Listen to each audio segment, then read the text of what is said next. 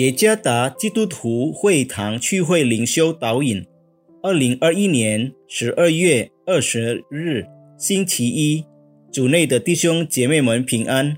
今天的灵修导引，我们要借着圣经弥迦书四章一到五节来思想今天的主题：成为光。作者曾礼物牧师。弥迦书四章一到五节。末后的日子，耶和华殿的山必坚立，超乎诸山，高举过于万岭，万民都要流归这山。必有许多国的民前往，说：“来吧，我们登耶和华的山，奔雅各神的殿。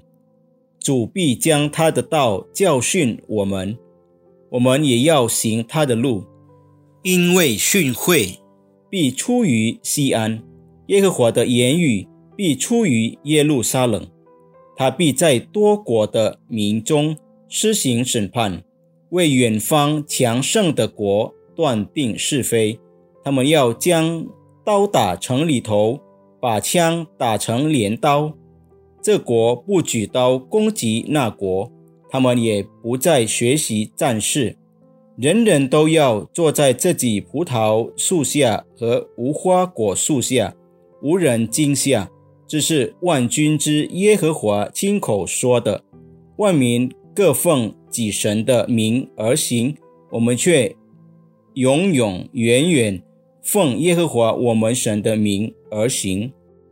在马蒂恩城有一个旅游景点叫和平罗，建造这个旅游。景点是为了要展示马蒂尔民众热爱和睦的生活。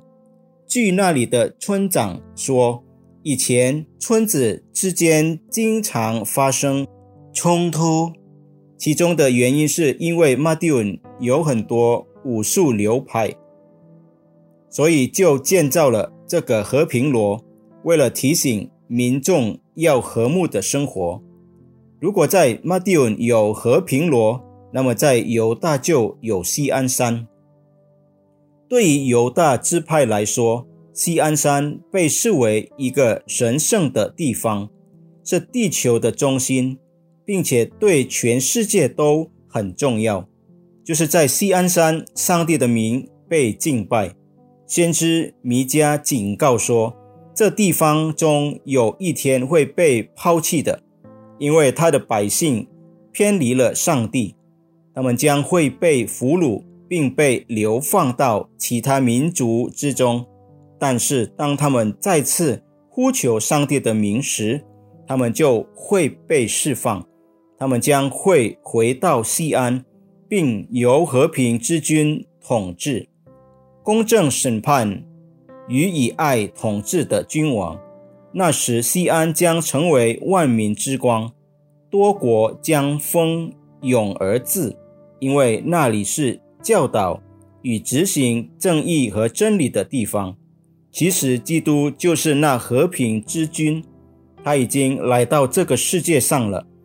让基督在他的心中掌权的，他就能够感受到真正的平安。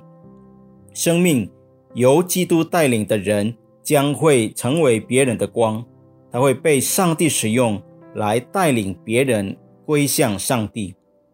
现在我们活在一个充满邪恶和不公正的世界中，民攻打民，人与人相杀相害。